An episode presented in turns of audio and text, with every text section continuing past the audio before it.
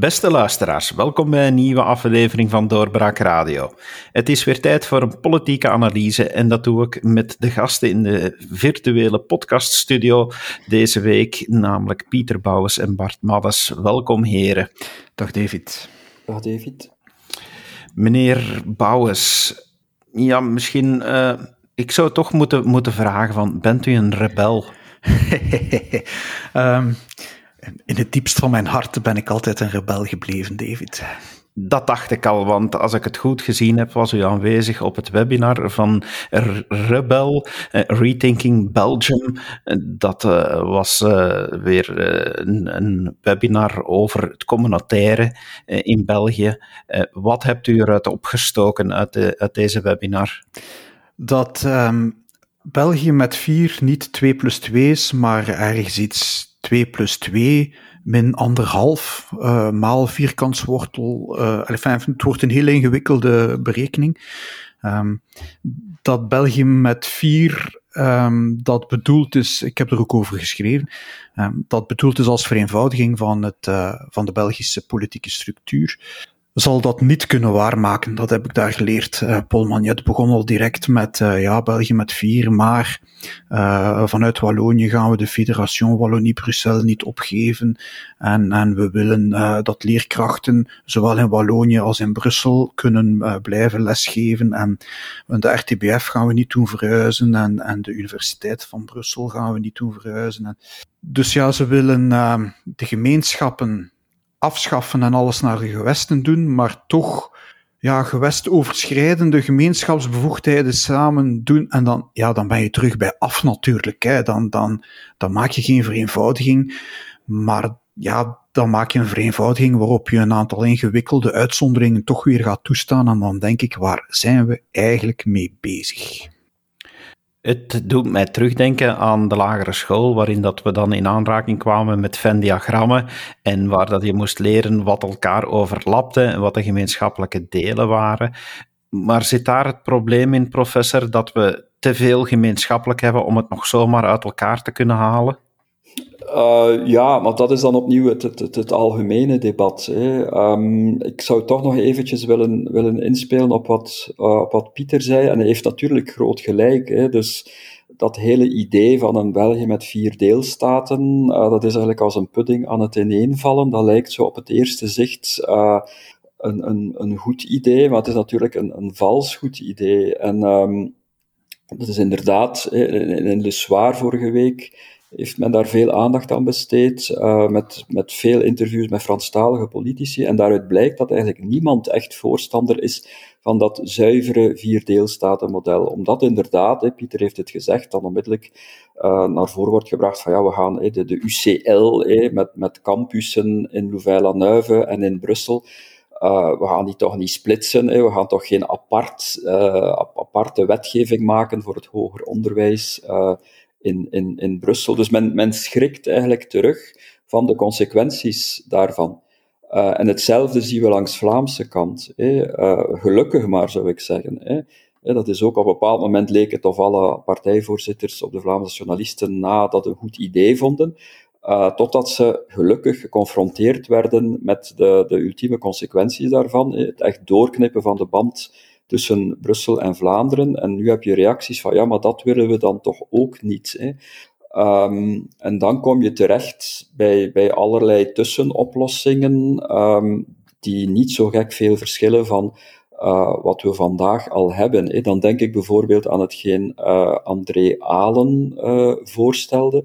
Uh, André Alen, eh, ik denk niet dat we het in communautair opzicht met elkaar eens zullen zijn. Het is natuurlijk wel een van de weinigen die echt heel goed weet waarover hij spreekt, die dat eigenlijk tot en met kent, die in grote mate ook de architect is van de, de huidige instellingen. En dus wat, wat, wat zegt Alen eigenlijk? Oké, laat ons dat onderscheid tussen gewesten en gemeenschappen opheffen, maar Vlaanderen zou bevoegd moeten zijn voor de normering van de gemeenschapsbevoegdheden in Brussel, terwijl de uitvoering daarvan, dan de gemeenschaps, de, de, de Nederlandstalige gemeenschapsbevoegdheden uit, uiteraard, maar de uitvoering daarvan, uh, dat zouden moeten toevertrouwen aan de Nederlandstalige ministers van uh, de Brusselse gewestexecutieven.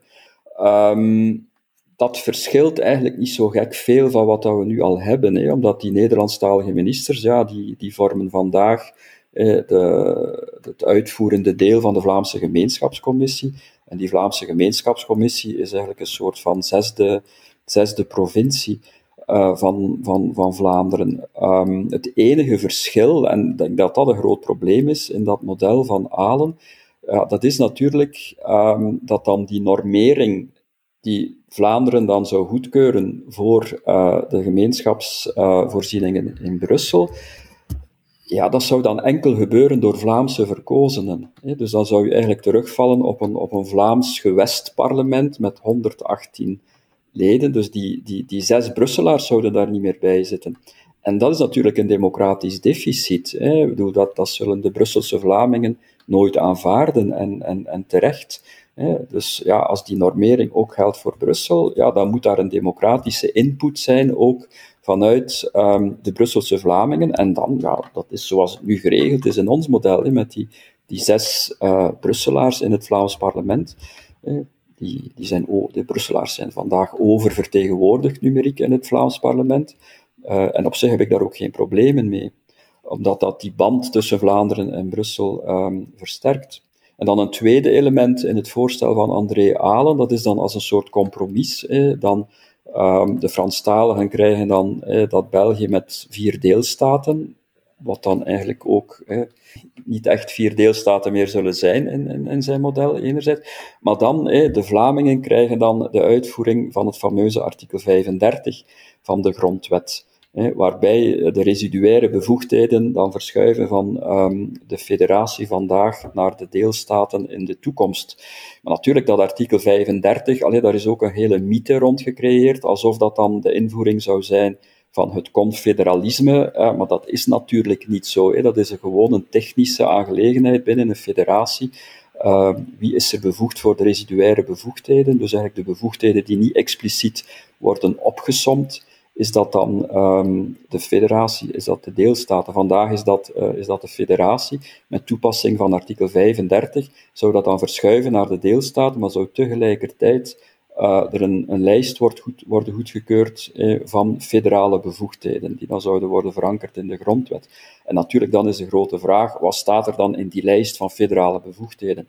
Ik vond wel, allee, dat was een aangename verrassing, dat de lijst die André Alen voorstelde, dat die wel verrassend kort was. Daar stond bijvoorbeeld de, de, de sociale zekerheid um, niet in.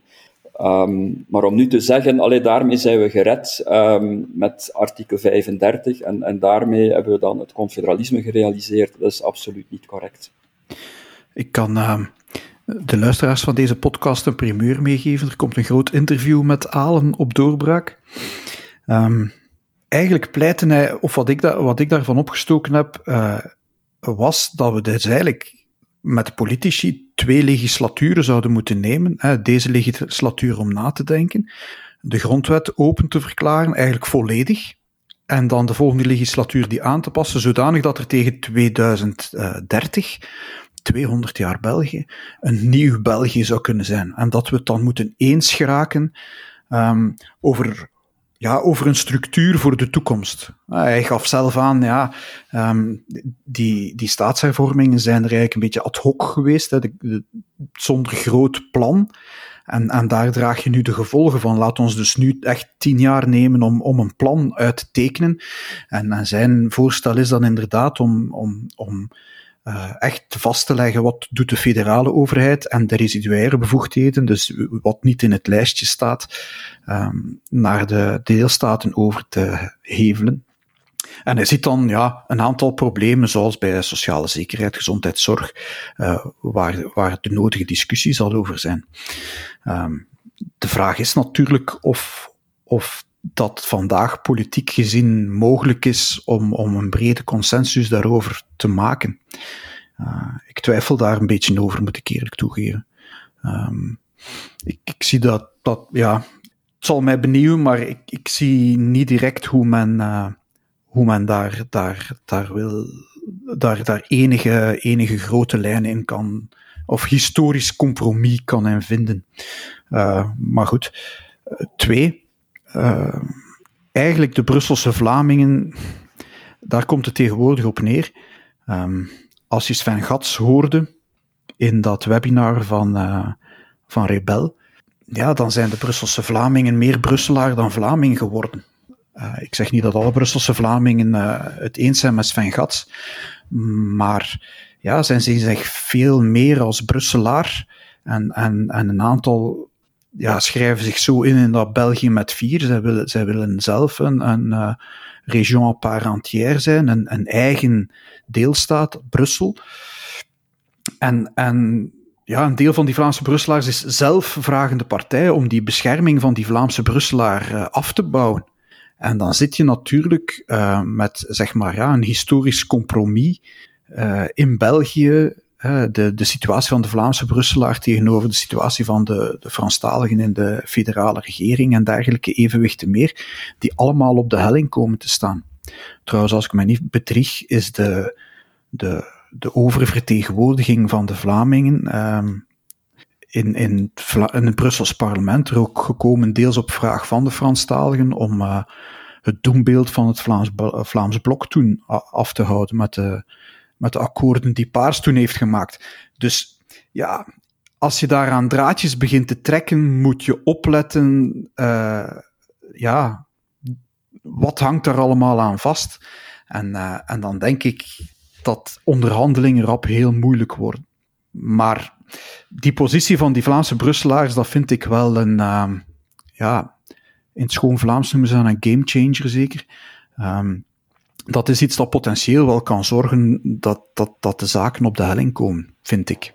Ja, als ik daar nog eventjes mag op, uh, op, op, op inpikken, op antwoorden. Um, dat is waar en niet waar. Hè. Um, dus er is inderdaad een tendens in die richting om nu echt te zeggen van dat is een gamechanger. De, de Brusselse Vlaamse politici zijn echt van kamp veranderd. Ik denk dat het genuanceerder is dan dat. Hè. Um, in de aanloop uh, naar de verkiezingen van 2019, uh, ondertussen al twee jaar geleden, uh, is er op een bepaald moment ook een debat geweest van het Vlaams Comité Brussel rond heel die problematiek. Ik denk trouwens dat jij daar toen ook was, Pieter. En, en ik, ik, was daar ook weer aangenaam verrast, om, om, omdat ik daar ook allee, geen duidelijk pleidooi heb gehoord bij eigenlijk niemand, in geen, elke, geen enkele partij, ook niet bijvoorbeeld in, in Groen, om te zeggen van we gaan die, we gaan die banden doorknippen en, en zelfs over uh, de hele problematiek van de taalgesplitste lijsten uh, was daar zeker geen eenduidige vraag, eh, ook van de meer Belgisch gezinde Brusselse Vlamingen, of Brussels gezinde Brusselse Vlamingen, om zo te zeggen, uh, om, om eigenlijk daarvan af te stappen. Um, en dat zal natuurlijk cruciaal zijn in, in heel dit debat. Hè. Dus de kans lijkt me inderdaad groot als, het, als we in die richting zouden gaan, hè, dan zo een, beetje, zo gezegd, vier deelstaten, die dan eigenlijk geen vier deelstaten zijn. Um, voor mij is het cruciaal hè, dat heel die regeling die in 1989 tot stand gekomen is, uh, met die verkiezing van die uh, Nederlandstalige politici in het Brussels parlement op basis van taalgesplitste lijsten, die eigenlijk het fundament is hè, van de garanties die er zijn voor de Vlaamse minderheid in Brussel, dat, dat men daar niet aan raakt. Hè. Men kan allerlei kleine verschuivingen in dat institutionele model doen. Dat zal niet het grote verschil eh, uitmaken in de praktijk. Maar wat dat wel een groot verschil zou uitmaken, zou het afschaffen zijn van dat principe van taalgesplitste lijsten, waar alle Franstaligen unaniem voor pleiten, omdat dat natuurlijk in hun belang is. Maar wat ga je dan krijgen? Ja, dan krijg je Vlaamse politici in Brussel, die dan wel officieel, formeel Vlamingen zijn hè, en de Vlaamse minderheid vertegenwoordigen, maar die de facto schatplichtig zijn aan de Franstalige partijen. Hè, die afhankelijk zullen zijn van de Franstalige partijen voor hun mandaat in het uh, Brussels van, uh, parlement, voor hun mandaat uh, als, als, als minister. En dat is denk ik het belangrijkste hè, dat we zullen moeten bewaken in Brussel.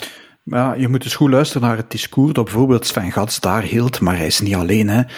Um, hij maakt, dan, eh, hij maakt daar een soort boetade van. Hè. De, de, de structuur van Brussel, die in 1989 uit, uiteengezet is, botst vandaag met de 189 nationaliteiten die er in Brussel zijn. En um, de identiteit van de Brusselaar is niet meer Franstalig of Nederlandstalig, maar is meertalig. En dan kom je in zo'n wolk van buzzwords terecht, die eigenlijk heel veel verhult denk ik, waar men eigenlijk naartoe wil. En dat is, ja, we zijn Brusselaars. Het onderwijs moet niet Vlaams of, of Franstalig zijn, maar meertalig. En het is die meertaligheid die altijd maar terugkomt. Dat, ook in Rebel, waar men ja, blij is met de, de, de, het Engels als lingua franca voor, voor België. Wat volgens mij ook een beetje een intellectualistisch fata morgana is. Um, beste bewijs is dat, uh, dat tegenwoordig niet meer in het Engels gediscuteerd wordt in Rebel, maar in het Frans en Nederlands tegenwoordig zelfs met tolken. Dus, dus zo Belgisch gaat het er allemaal aan toe.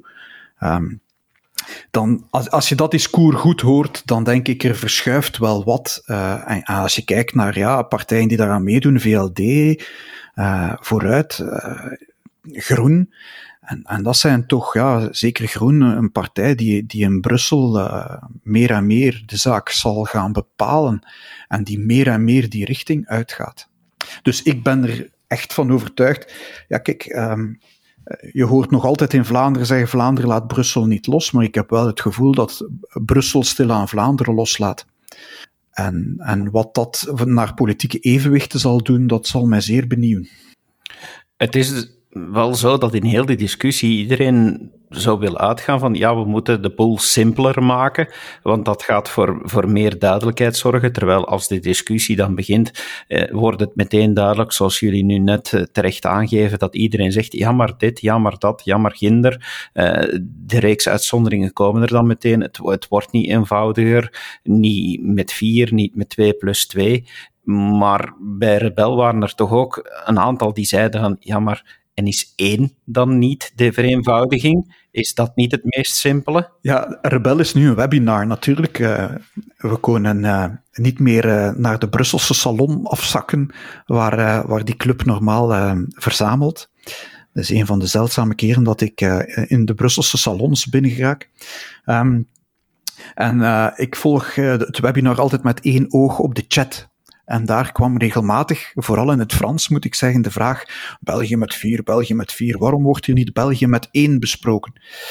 Um, dus dat leeft in die kringen nog altijd. En je, en je ziet ook in die chat echt mensen die daar, daar, daarover uh, hele argumentaties opzetten.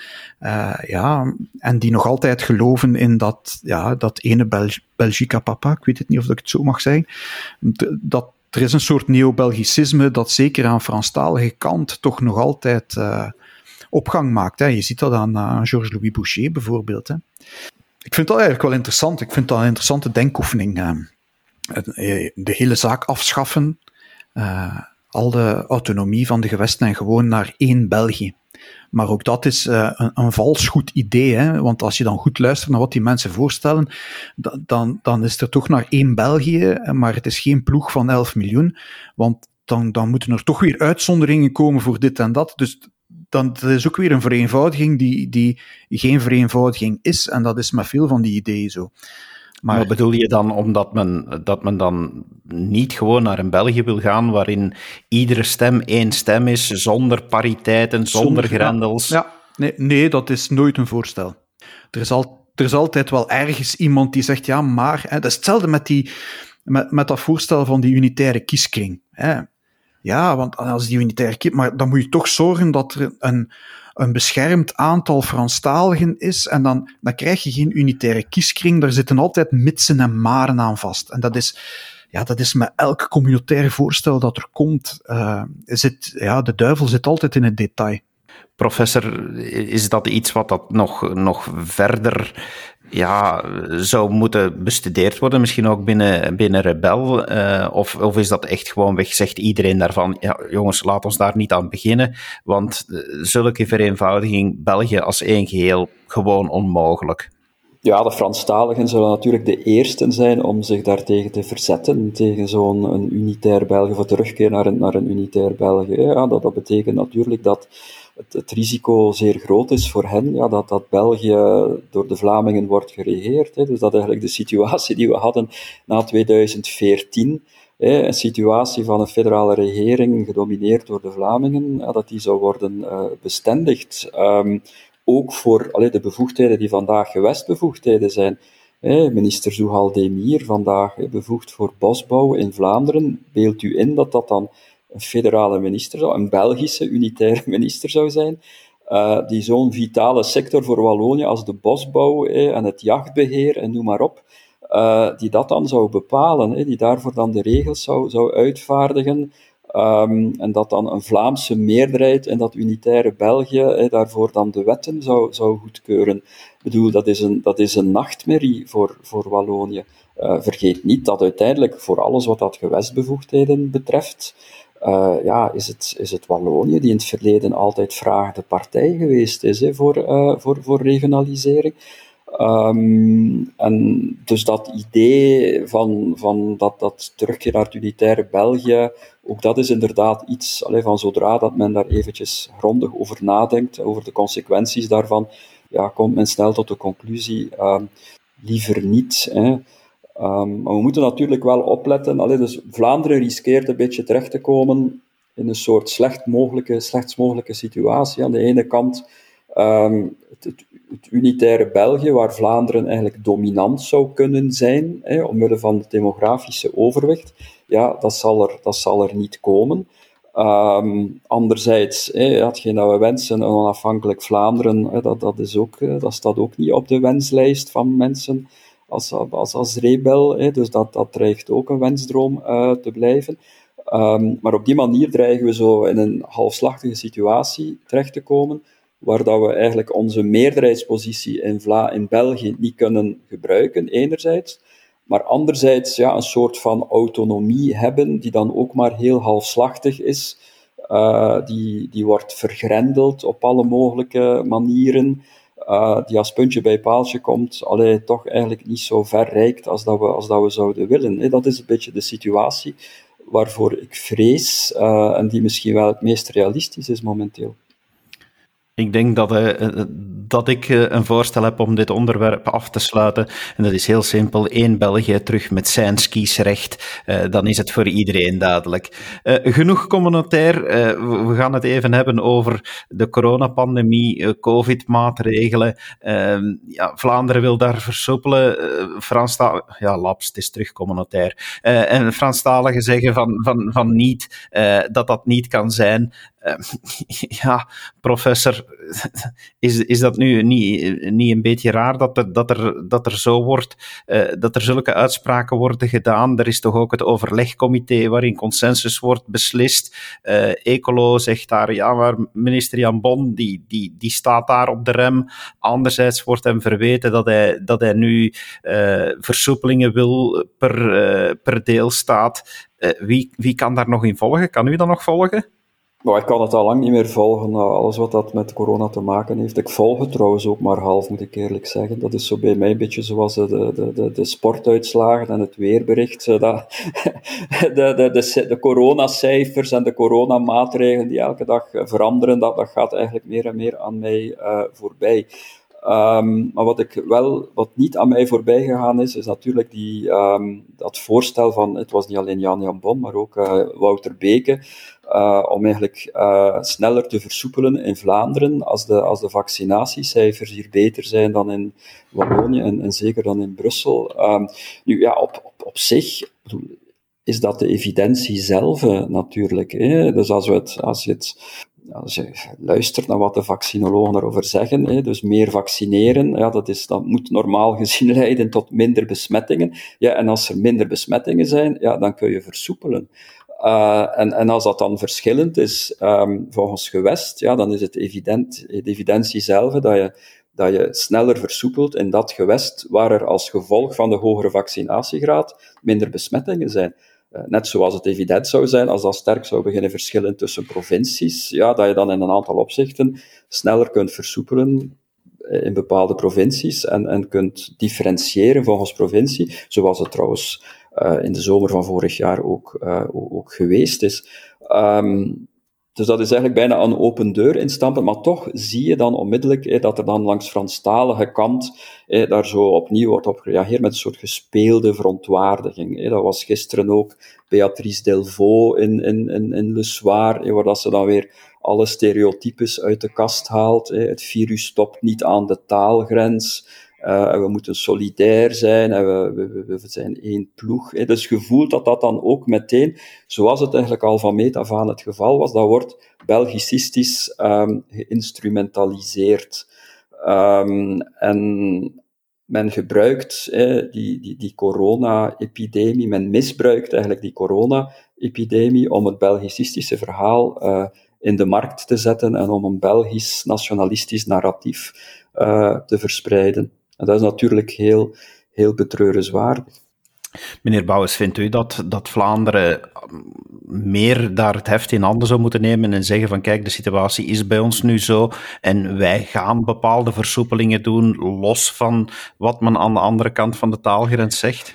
Well, ik hoor van, uh, van onze journalisten dat, dat binnen de Vlaamse regering de, de ontevredenheid eigenlijk al een tijdje groot is. Um, en, en niet alleen bij de Vlaamse nationalisten in die Vlaamse regering, maar, maar ook bijvoorbeeld uh, uh, op het kabinet van Wouter Beke. Ik denk dat het ook niet toevallig is dat, dat, dat Wouter Beke een minister is die, die ook dit weekend uh, ja, daarvoor een lans gebroken heeft.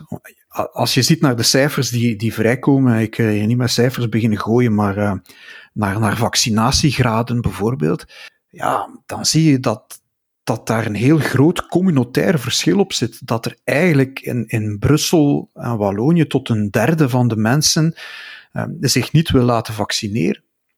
En dan, uh, dan zit je met dat Belgisch narratief waar deze regering aan vasthoudt. Hè. Het moet uh, één beleid zijn voor de ploeg van 11 miljoen. Maar je ziet dat er geen ploeg van 11 miljoen is. En als je dan vasthoudt aan dat, aan dat nationaal narratief van er moet minstens 70% gevaccineerd zijn, ja, als je dan ziet dat het in Vlaanderen naar de 90% en meer gaat, en, en, en in Brussel en Wallonië niet, en je laat alles tegelijk los. Kijk, ik ben geen viroloog, maar je moet ook geen viroloog zijn om te zien dat je dan een, een recept voor een catastrofe uh, aan het brouwen bent.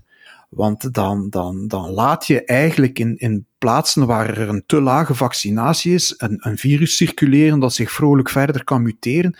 En, en, en, en op die manier een laboratorium wordt voor dat virus. En, en, en een potentieel gevaar voor, voor, voor ons en voor de rest van Europa als zich dat weer verspreidt. Dus je moet daar toch ergens een beetje uh, je verstand gebruiken. Maar ja, goed. Um, ja, in politiek speelt ideologie ook altijd mee. En, en dat Belgisch narratief moet overeind blijven, wat er ook gebeurt. Ik vind trouwens, dat men. Ja, je hoort allerlei rare verhalen tegenwoordig. Ik, ik, ik snap niet goed wat er op dit moment gebeurt. Um, uh, rusthuizen die al maanden, of, of toch zeker een maand, waar iedereen gevaccineerd is. Uh, mijn kinderen, een overgrootmoeder leeft nog. Uh, die zit in een rusthuis. Iedereen is daar twee keer gevaccineerd, maar die mensen zitten nog altijd hele dagen op een kamer opgesloten. En dan vraag ik mij af hoe je dat eigenlijk vandaag nog kan verantwoorden. Die mensen zijn gevaccineerd, die zijn geen gevaar meer, niet voor zichzelf en niet voor anderen. Dus waarom kan daar het gewone leven niet hervatten? Ik begrijp dat niet. Dat zijn mensen, laat ons eerlijk zijn, die bezig zijn aan de laatste jaren, de laatste maanden van hun leven en we sluiten die op dat, dat botst met mijn ethisch gevoel en met mijn gevoel voor rechtvaardigheid. En ik kan, ja, je hoort misschien, ik kan me er bijzonder in opwinden eigenlijk. ik, ik begrijp dat niet, dat, dat de politici die, die beslissingen nemen en, en dat dat zomaar allemaal gebeurt zonder dat er grote vragen over worden gesteld. Ik, ik begrijp dat echt niet. Dat is inderdaad moeilijk te begrijpen. Uh, ik heb daar alleszins geen antwoord op. Want ik weet niet, ik, ik weet niet in, welke, in welke mate dat ik, dat ik daar nu het antwoord kan op geven. Van, uh, niet, maar is... ja, het is een vraag die ik stel en, en, en die ik ook, ook rond mij hoor stellen. Ik, ik kan dat aan tafel tijdens onze gezinsmaaltijd aan de kinderen niet uitleggen. Waarom moet oma nog altijd op haar kamer blijven? Ja, ik, sorry, maar ik kan het niet uitleggen. Ja, het, zal een goede vraag zijn waar, eh, waar de politici misschien een antwoord kunnen op geven. Er zijn er verschillende die dit podcast volgen. Um, beste, politici, als u dit hoort en uh, u hebt een antwoord, geef mij een seintje. Het geeft u uh, voorrang, prioriteit in de behandeling in deze podcast. u zal het, u zal sneller geïnterviewd worden dan u gevaccineerd wordt. Dat, dat kan niet moeilijk zijn in, in ons land, zelfs niet in Vlaanderen. Goed, ik ga proberen een niet-communautair onderwerp te vinden. Wat denken jullie van de pandemiewet? Eh, we hebben het advies van de Raad van State, uh, die, die daar nu toch redelijk zacht over is. Maar ja, in dat. Oh nee, het is weer communautair. Daar, zit, toch, daar zit toch blijkbaar weer iets in van herfederalisering. Uh, een voorrang van, van de federatie op het regionale, die mogelijk gaat zijn in, in sommige gevallen. is, is dat de eerste keer, professor, dat we nu echt iets hebben waar, waar duidelijk een hiërarchie der normen wordt gesteld? Ja, ik, deel eigenlijk nogal de zeer genuanceerde analyse die uh, Mark de Weert daarover heeft gemaakt um, op doorbraak. Uh, dus ik zou dat op zich niet, niet dramatiseren. Ik denk dat dat, dat uh, advies van de Raad van State toch wel vrij genuanceerd is um, en, en ook wel in de lijn lag van uh, van, van eerdere adviezen. Hè. En eigenlijk is dat ook een beetje de, uh, om opnieuw een geleerd woord te gebruiken, um, de leer van de, de impliciete bevoegdheden. Hè. Dus dat je, uh, je, hebt, je hebt bevoegdheden die dus expliciet worden opgesomd in de, in de bijzondere wetten. Um, maar soms is het zo dat om die bevoegdheid ja, te kunnen uitoefenen, ja, dat je eigenlijk een andere bevoegdheid nodig hebt, die, die niet als dusdanig wordt genoemd. Hè. En in de adviezen van de Raad van State um, ja, speelt dat dan soms in het voordeel van de deelstaten en, en, en soms in het, in het voordeel van um, de federale overheid.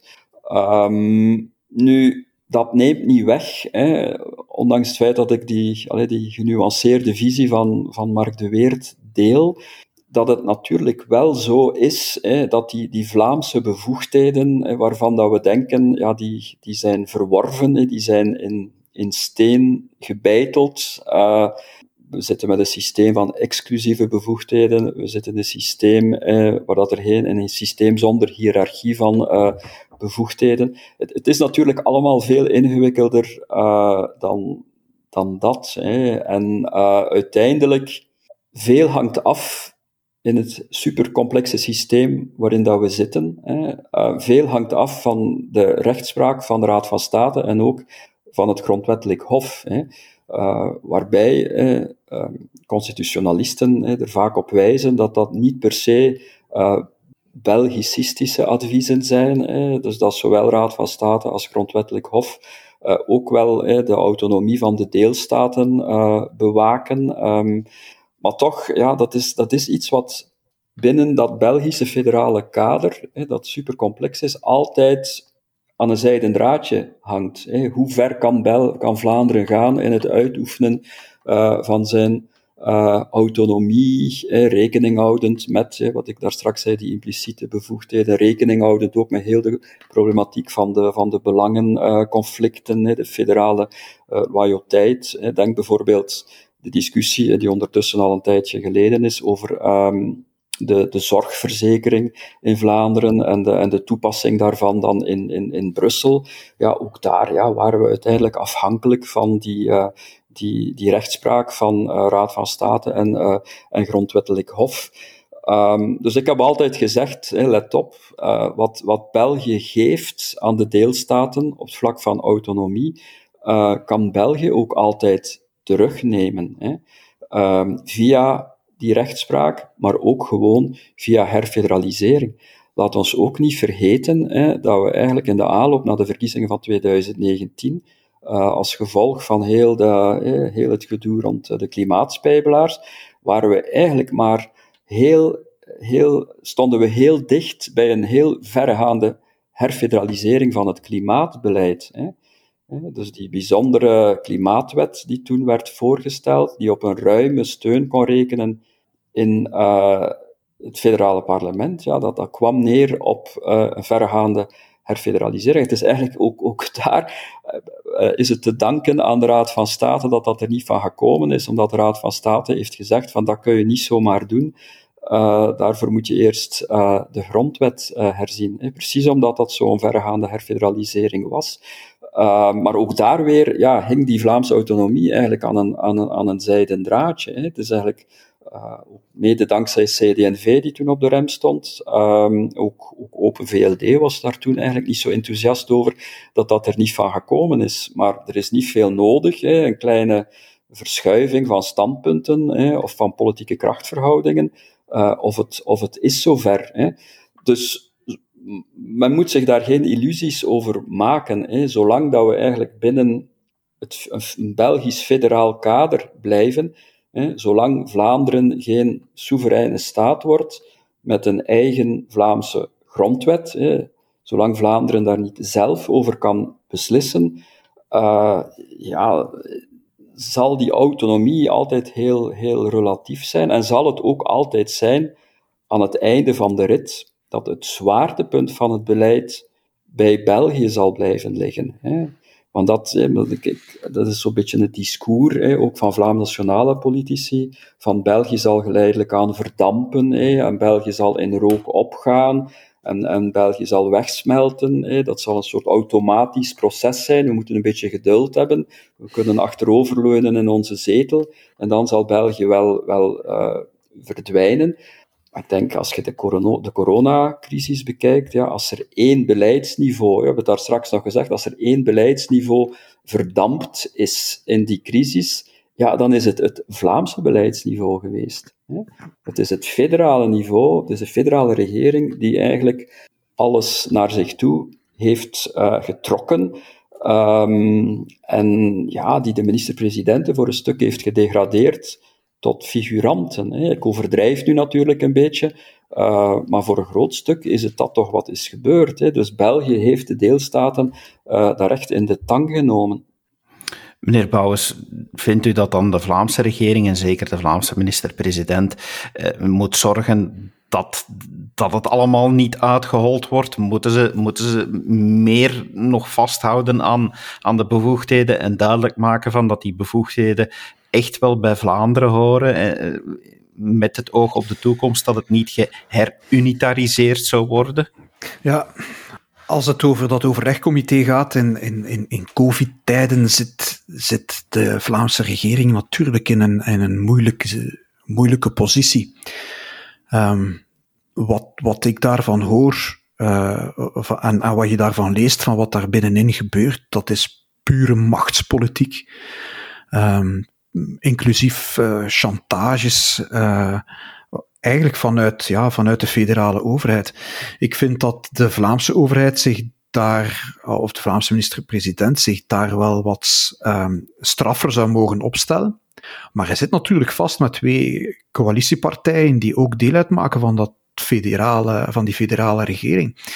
En, en dat maakt het natuurlijk allemaal bijzonder moeilijk, ook al zie je dat ja, Vlaamse minister Krevits eigenlijk dan wel Jan Bond steunt, terwijl haar partijgenoot uh, van Petegem of, of, of Verlinde eigenlijk die, die federale lijn aanhoudt. Uh, daar zit heel veel spanning op in, in die partijen. Maar je ziet dat uiteindelijk ja, die, die federale overheid toch altijd, of, of toch vaak eh, aan, aan het langste eind trekt in, in, die, in, in dat overlegcomité. En dat verbaast mij eigenlijk wel voor een deel. En je zit er toch met Di Rupo en Jan Bon, die toch twee toppolitici zijn, die er niet in slagen om, om ja, heel veel tegengas te geven. Ja, een ander, als ik. Eh, Tuurlijk, ja. Daar, daar mag ik een, een ander mooi voorbeeld daarvan. Um, dat is al wat, wat gebeurd is het jongste overlegcomité rond de hele uh, cultuursector en evenementensector. Hè. Dat was um, Benedict Linaar. Dat is de, de ecolo-minister bevoegd voor cultuur in de Franse gemeenschapsregering. En media, ja, en, en, en die in, in een interview heeft hij eigenlijk Jan Bon verweten hè, dat, dat Jan Bon uh, te veel naar de pijpen van Van den Broeke en de Kroo heeft gedanst, terwijl er eigenlijk vooraf blijkbaar een afspraak was tussen de cultuurministers, hè, dus Jan Bon en, en, en Linaar, om het hard te spelen en om echt aan te dringen op een veel snellere versoepeling um, van um, dus alles wat te maken heeft met, met cultuur en, en uh, evenementen.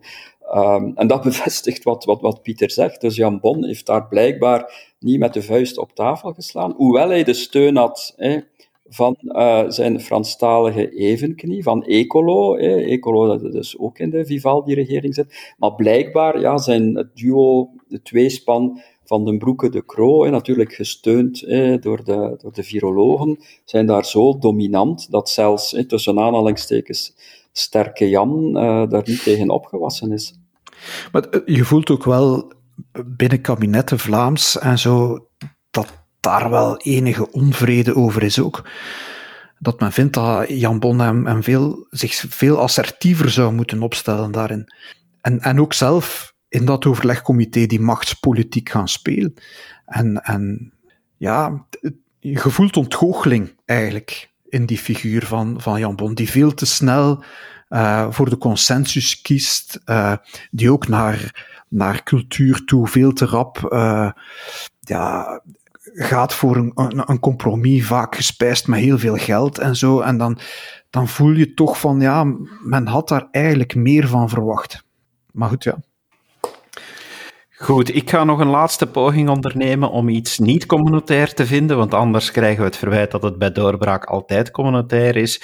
Is even kijken, wat zou kunnen proberen? Ja, het, uh, het, het, vooruitkijken naar de toekomst, uh, eh, 2024 zijn het verkiezingen.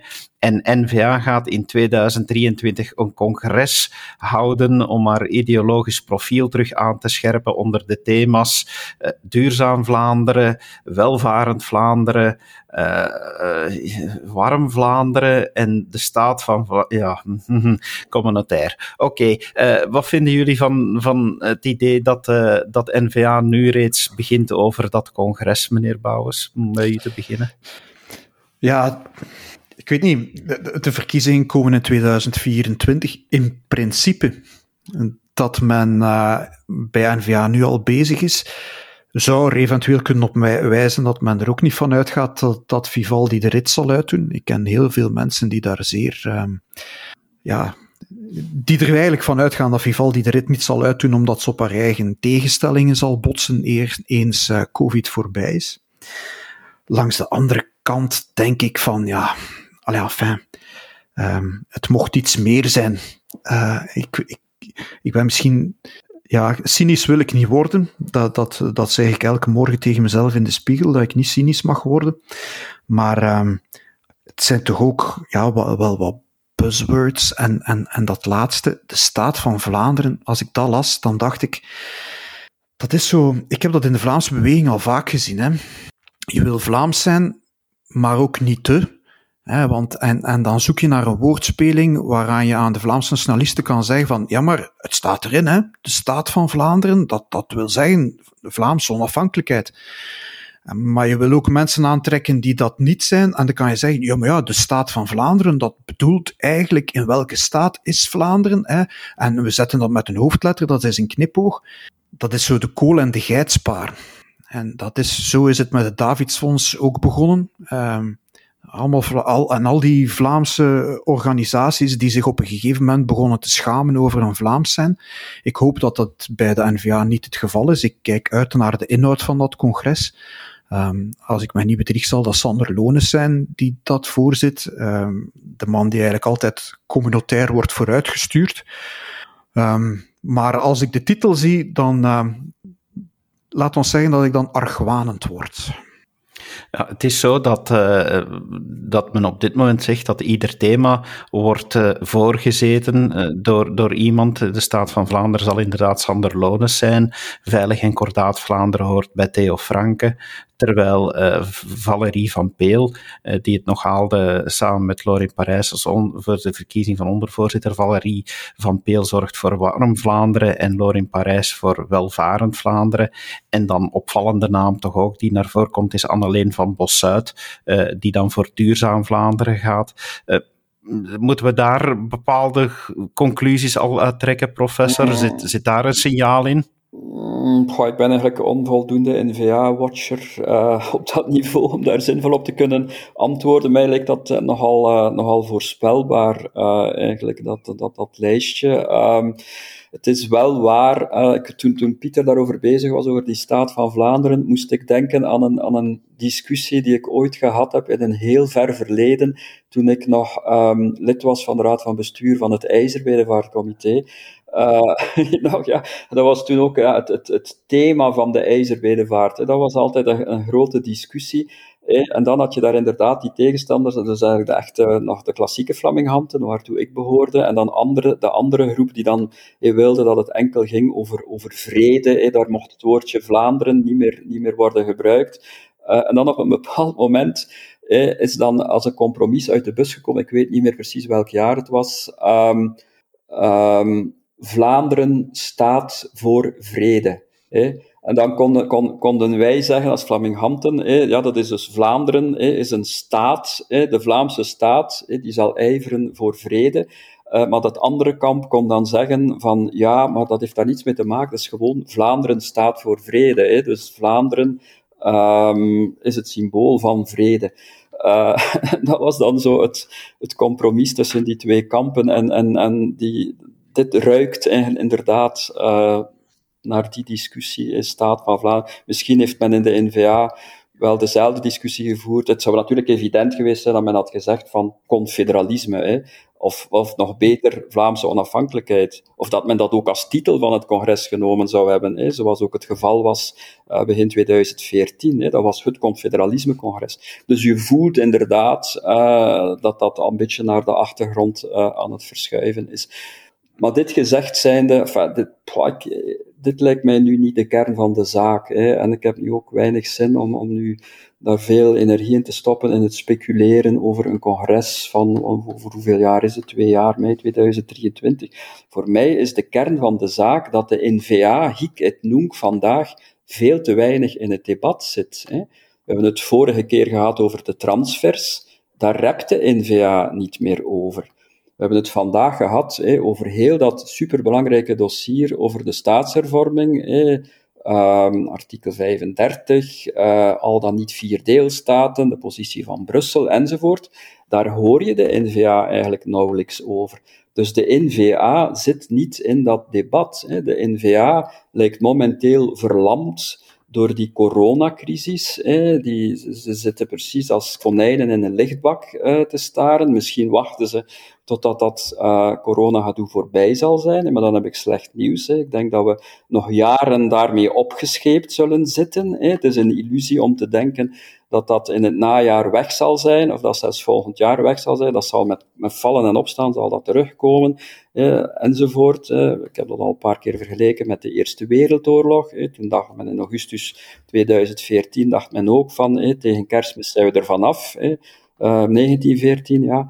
Uh, tegen kerstmis zitten we ervan, zijn we er vanaf. Ja, het heeft vier jaar geduurd. Ik denk dat we in een soortgelijk scenario zitten. Um, dat geldt voor de NVA, eh, maar dat geldt eigenlijk ook voor de Vlaamse beweging. Hè. Je ziet ook dat de Vlaamse beweging verlamd is uh, door corona. Hè. Dat er eigenlijk heel weinig bewegingsdynamiek is. Hè. Het zangfeest, hè, dat is nu uitgesteld tot 10 oktober, maar dat blijkt nu ook alweer ter discussie te zijn. Dus heel die, heel die Vlaamse nationale beweging dreigt eigenlijk te, te verschralen uh, als gevolg van, van corona. En, en daardoor veranderen de contouren van het debat. Hè. Lange tijd uh, ja, ging het debat als vanzelfsprekend over de vraag van hoe kunnen we meer Vlaamse autonomie uh, verwerven. Hè. Daar was zo'n quasi-consensus over. Hè. Dus het, het Vlaams gezinde standpunt domineerde het debat, dat is eigenlijk nu volop aan het verschuiven. Vandaag is het zo dat de Belgisch gezinden, of je dat nu graag hebt of niet, de Belgisch gezinden domineren het debat. De Belgisch gezinden um, geven de toon aan in dat debat. Dat is ook een beetje de schuld nog altijd van NVA, die in 2014, vanaf 2014, nee, heeft gezwegen, heeft moeten zwijgen uh, over uh, het communautaire, dus die communautaire stilte, die de NVA eigenlijk op een overdreven manier uh, heeft toegepast. Terwijl natuurlijk de Belgisch gezinden ja, volop zijn blijven propaganda maken voor het Belgisch gezindenstand. Dus we hebben dat terrein eigenlijk overgelaten aan de Belgische nationalisten en dat gaat volop verder en dat maakt eigenlijk ook, ja, dat is ook een van de redenen waarom ik momenteel allesbehalve optimistisch ben. Het gaat eigenlijk nog verder. Hè? Sorry David dat ik je onderbreek, maar eigenlijk zit het hele Vlaamse middenveld op zijn, op zijn gat. Laat ik dat zo mooi zijn. Um, en ik hoor heel veel mensen die actief zijn, ook in allerlei verenigingen, die heel bezorgd zijn over wat, wat er van dat verenigingsvlaanderen na corona nog zal overblijven. En twee, het is niet enkel de NVA die een beetje uit het debat is. Eigenlijk als het over corona gaat, vind ik dat er in, in, in Vlaanderen, in België, heel weinig corona-oppositie is. Niet alleen vanuit de NVA, maar zelfs de oppositie van Vlaams Belang en, PVDA, als het over corona gaat, blijft al bij al heel braaf. Vergelijk dat met Thierry Baudet in, in, in Nederland bijvoorbeeld, die er misschien net iets te fors in vliegt. Maar zoiets zien we niet in Vlaanderen. Uh, dus eigenlijk, corona, corona ja, maakt het politieke leven, het politieke debat in, in, in Vlaanderen en België een beetje monddood. En, en dat duurt nu al net iets te lang, naar mijn gevoel. Ik denk dat we dat als conclusie kunnen stellen, dat, uh, dat we in deze doorbraakpodcast hebben gezien dat uh, het vermijden van het communautaire vrijwel onmogelijk is en dat het dus raar is dat uh, net dat thema zo weinig naar boven komt in het politieke debat. laat ons dus concluderen dat er gelukkig nog doorbraakradio is om erover te praten.